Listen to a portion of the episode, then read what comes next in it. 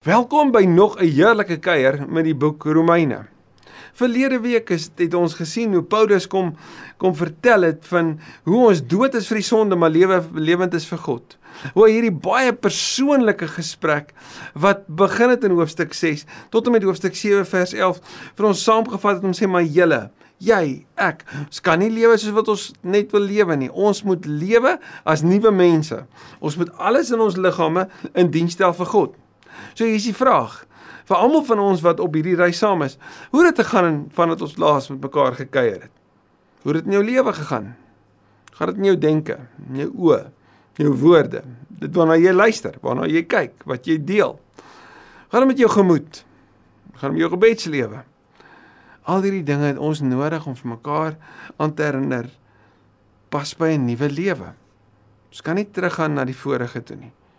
En as ons sou kom by 'n plek waar ons sê maar ek het weer geval daarvoor. Dit moet ons nie ontmoedig nie. Kom ons draai weer terug. Ons kom by die goeie nuus. Genade, die geskenk wat God vir my bewerkstellig het, is veel groter, het ons gesien in hoofstuk 5, as die sonde.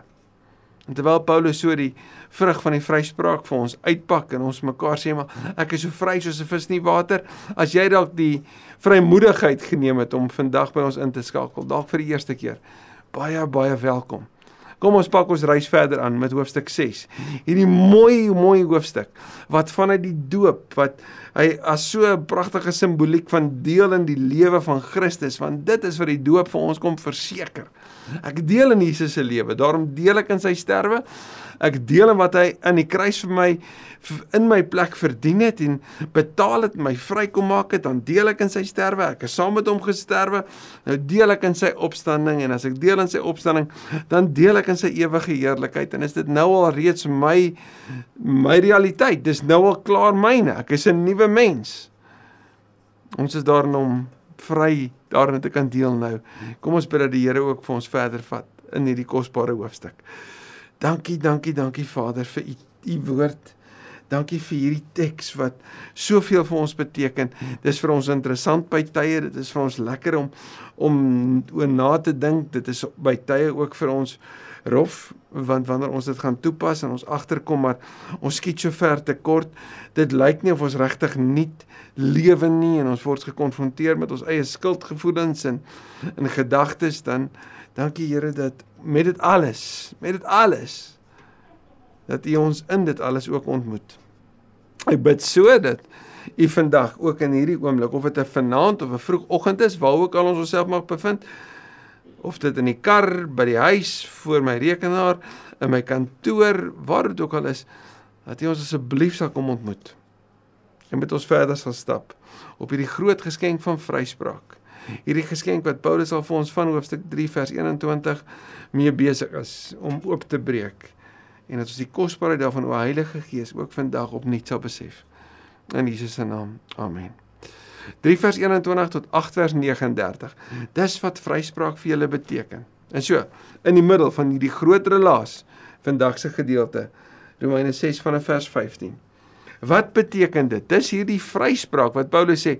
Julle is vry. Julle moet dit in diens stel van wat God wil.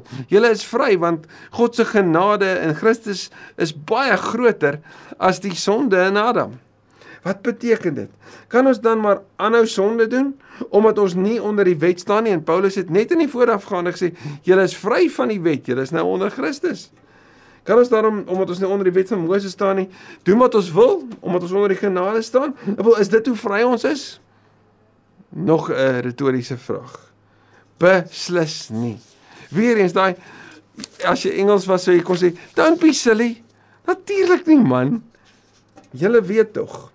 As jy aan iemand julle aan iemand onderwerp om hom as slawe te gehoorsaam, is jy die slawe van die een aan wie jy gehoorsaam is as jy jouself ondergeskik stel aan iemand anders, dan het daai persoon die reg om want jy gee aan daai persoon die reg en die mag om vir jou te sê wat jy moet doen met jou tyd, met jou lewe, met jou keuses.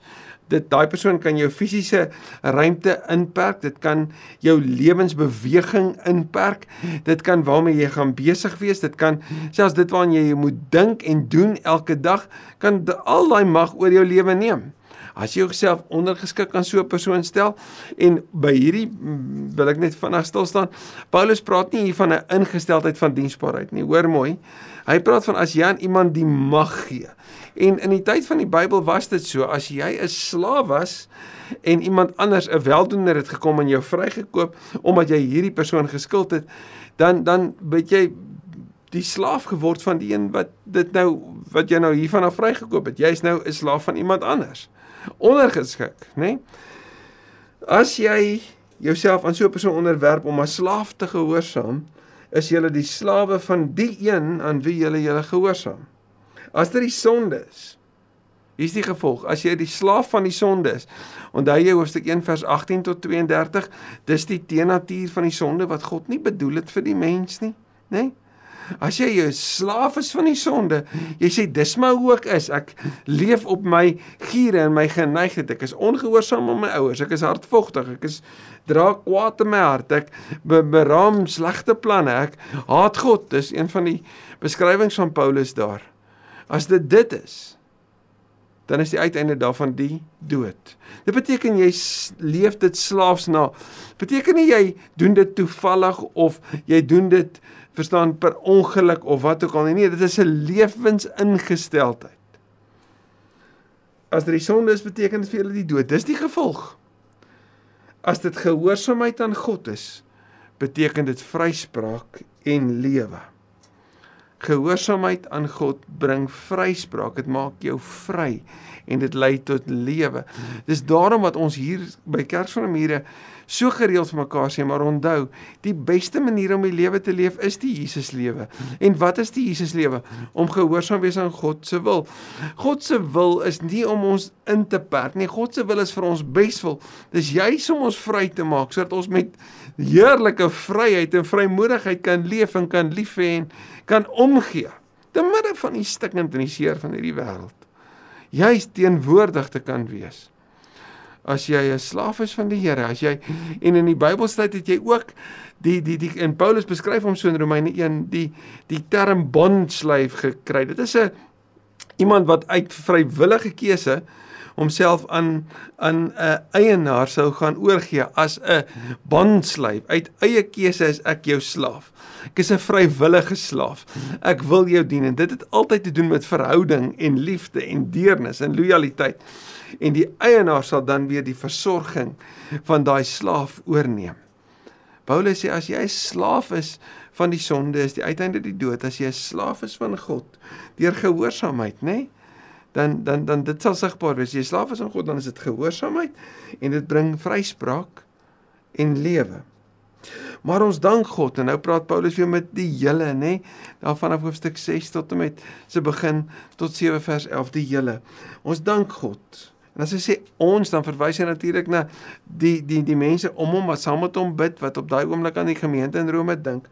Ons dank God dat julle wat slawe van die sonde was voorheen van harte en die woord cardia daar beskryf John MacArthur as as jou denke want hy sê dit het nie te doen met net emosie nie of net gevoel nie die woord harte om van harte gehoorsaam te wees beteken met al jou denke met alles in jou om van harte het julle gehoorsaam geword het aan die leer soos julle dit deur die oorlewering ontvang het. Die gemeente van Rome het die evangelie gehoor. Dis aan hulle oorgedra. Iemand is gestuur, iemand het gegaan, iemand het die gemeente geplant. Dit was nie Paulus nie. Hy het wel gemeentelede geken. Ons gaan dit in hoofstuk 16 sien. Baie van hulle het hy geken. Maar as jy ons is so bly, julle het dit gehoor, die oorlewering, die die storie wat vertel is wat oorgedra is en julle dit van harte geglo. So julle is nuwe mense. Ons dank God dat julle van die sonde vrygemaak is en slawe van God geword het wat sy wil doen. Hier bewys Paulus. As hy na hulle kyk, leef hulle die lewe van nuwe mense is nie ou mense nie. Dis nie ou gewoontes nie. As jy ons dank God, ek wil julle dit net verseker, ons dank die Here wanneer ons aan julle dink. As julle vir ons 'n voorbeeld van mense wat dood was, maar nou vir God lewe. Weens julle beperkte begrip gebruik ek 'n beeld uit die alledaagse. Nou wil hy dit net herinner. En en wat Paulus nou gaan doen is wat goed sal wees vir ons ook om met mekaar te doen. Om mekaar te herinner aan wie ons is. Om wanneer ons mekaar sien iets doen wat nie pas by 'n gelowige nie. Nie vir mekaar te hoor jy hou op dit en hou op dat en hoekom sis en hoekom so nee. Kom ons herinner mekaar net aan onthou jy jy's 'n nuwe mens. Jy's jy's in Christus. So wat jy nou mee besig is pas mos nie by 'n 'n lewe wat wat Jesus voorbetaal het nie. Ek bedoel die die die Jesus het betaal dat jy nie kan leef. Weens julle beperkte begrip gebruik ek 'n beeld uit die alledaagse lewe. Soos julle elke deel van julle liggame in diens van sedelike onreinheid en wetteloosheid gestel het en losbandig gelewe het. Nou sou jy al die pad van hoofstuk 1 vers 18 tot 2 vers 1 en selfs verder 2 vers 11 en dis meer kon gaan lees hoe Paulus beskryf hoe beide Jode en Grieke hulle oorgegee het aan 'n wettiese hoogmoed, aan neerkyk op ander, aan 'n selfregverdiging, aan 'n selfverlustiging en selfbevrediging, aan om ander te na te kom ensovoorts ensovoorts ensovoorts. Paulus sê soos wat julle elke deel van julle liggaam in diens daarvan gestel het wat verhoudings gebreek het en seer gemaak het en skade gedoen het ook aan julle verhouding met God ensovoorts. Soos julle dit gedoen het en ons bande geleef het So moet julle ook nou. Hy het nou net gesê julle het van harte gehoorsaam geword. So ek wil net weer vir julle herinner. Dit is vir julle was. Hierdie is vir julle nou is en moet wees. Moet julle nou elke deel van julle liggame in diens van God stel om heilig te wees. Hoor mooi wat Paulus sê. Hy gebruik die woord wat ons die die Grieke beskryf het as metamorfo, bekering, 'n nuwe lewe, omdraai, om in 'n ander rigting te kyk, om nie te dink en nie te doen. Wat is die impak van hierdie nuwe lewe? 'n lewe wat hagioi, jy's heilig. En die woord wat hy hier gebruik is is nie net die woord hagioi wat sê jy's ook eenkant gesit nie.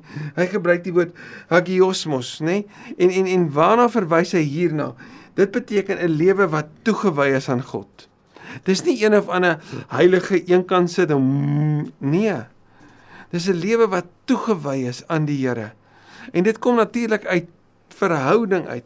Nou 'n bruid is eenkant gesit, hagioi, vir haar bruilof, omdat sy hagiosmos uit toewyding aan hom wil getrou beloof en getrou leef. So wat sê Paulus vanuit julle toewyding aan die Here? Moet julle ook so leef. Julle is weg vir die sonde, julle is lewend vir God, daarom moet julle aan hom toegewy wees. Elke deel van julle liggaam toegewy aan die Here. Kantopmerking: As jou en my lewe geken word of geskets word as 'n huis, is elke kamer van my van my lewe toeganklik vir die Here? Of is daar dele wat se kamerdeure toe is omdat dit nog baie te mekaar is daar binne? Of ek dalk skaam is vir wat daar binne gebeur? 'n toegewyde lewe sê Here alles is tot u tot u beskikking. Kom ons nooi hom ook in daai dele van ons lewe in. Toe julle slawe van die sonde was, was julle nie in diens van God nie, want jy kan nie. Jy kan nie twee baase dien nie. Jy kan nie God en Mammon dien nie. Jy kan nie God en die son en en die sonde dien nie.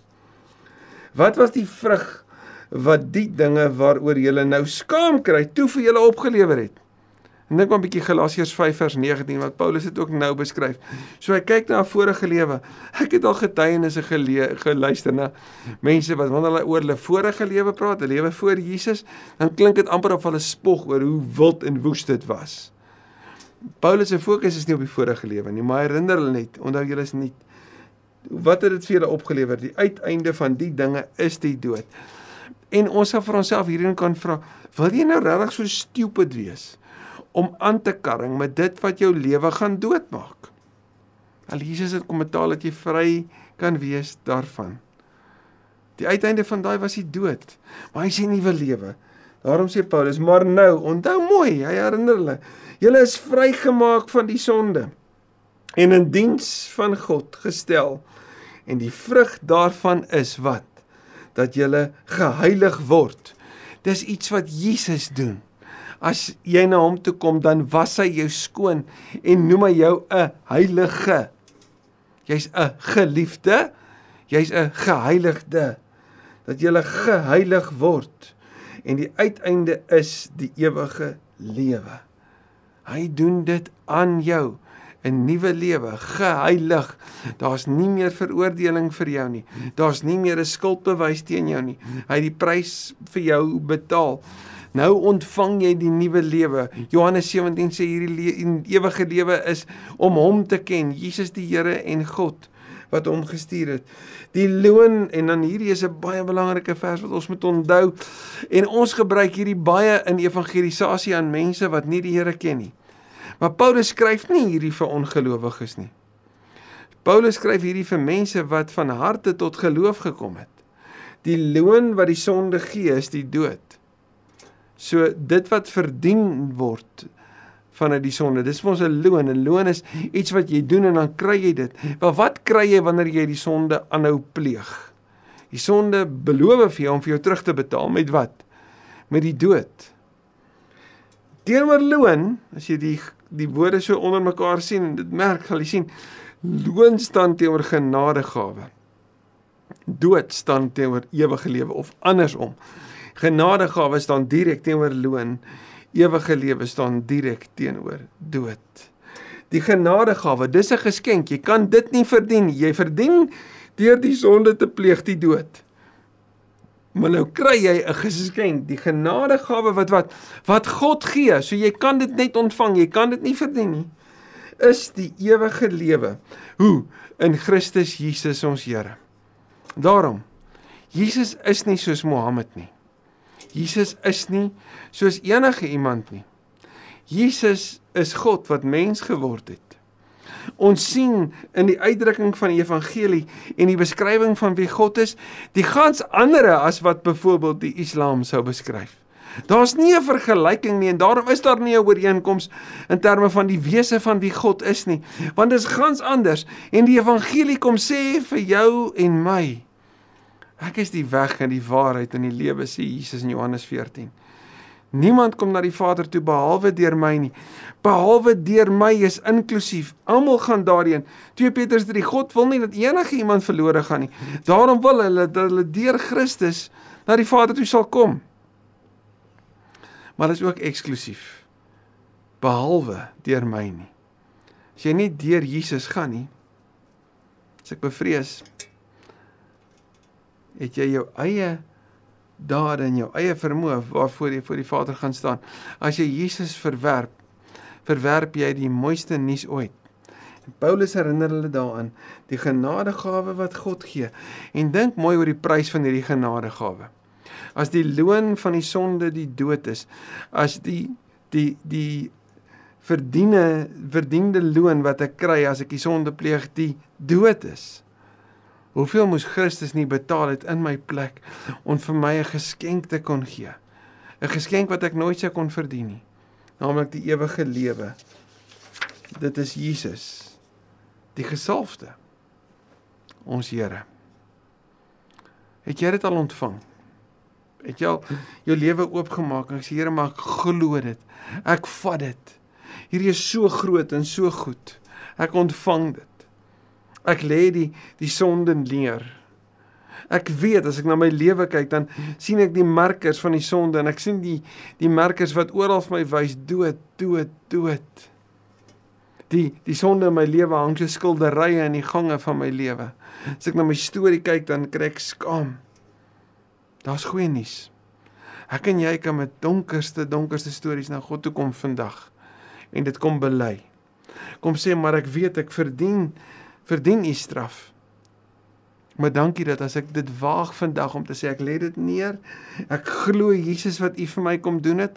Ek vra dat u my sal skoon was dat God vir my nuwe lewe gee. Want dis sy hart. 'n Geskenk sodat ek vir altyd saam met hom kan wees en van hier af vorentoe as 'n toegewyde aan hom kan leef omdat hy my vrygemaak het. Here, u ken my. U sien dwars deur my. Of ek sit en of ek opstaan, U weet dit. U is met al my paaie goed bekend. Daar's nie 'n pad wat ek kan loop, 'n reis wat ek kan ondergaan waarvan U nie weet nie. U ken my gedagtes nog voordat hulle by my opkom. Daar's nie 'n woord op my tong nie of U Here weet wat dit gaan wees. En as ek vandag aan my lewe dink en ek dink dat dit ontbloot is voor U, ek kry skaam. Want Here soms leef ek asof U dit nie sien nie. Praat ek, dun dink ek, tik ek. Goed wat ek leef asof U dit nie eers daarvan bewus is nie. En as ek vandag kom erken ek is 'n sondaar. Ek het U nodig. Sonder U is ek verlore. Ek het U nodig. Here, ek is so bitter, bitter jammer. Jammer vir skade wat ek gedoen het. U, U ken my storie. U ken elke van ons stories. Kom was my skoon. Dankie dat U dit doen. Dit my gebed hoor hier waar ek dalk voor my rekenaar of net met my foon in my hand sit. Dat jy my hoor as ek sê asseblief was my skoon. Maar dankie ook vir die vir die aanmoediging daarna om uit my nuwe lewe te leef. Want as ek dit bely, dan weet ek ek is skoon gewas, nuut gemaak. Ek deel in die ewige familie van God. Hierdie peperduur prys van vergifnis wat in my plek betaal is, wat my vrymaak om vry te leef. Ek kies vir vryheid.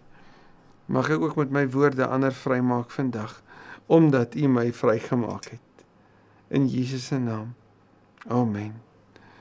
Mag jy vry leef in hierdie week. En elke keer wanneer ek en jy herinner word aan ons verlede, kom ons herinner daai stem. Ek is dood. Ek lewe nie meer nie. Ek het nie aanspraak op 'n vorige lewe nie. Ek het nie eers 'n uh, 'n manier om terug te kyk en te roem op enigiets nie. Ook nie oor die toekoms nie. My roem is in Christus wat sy lewe vir my gegee het.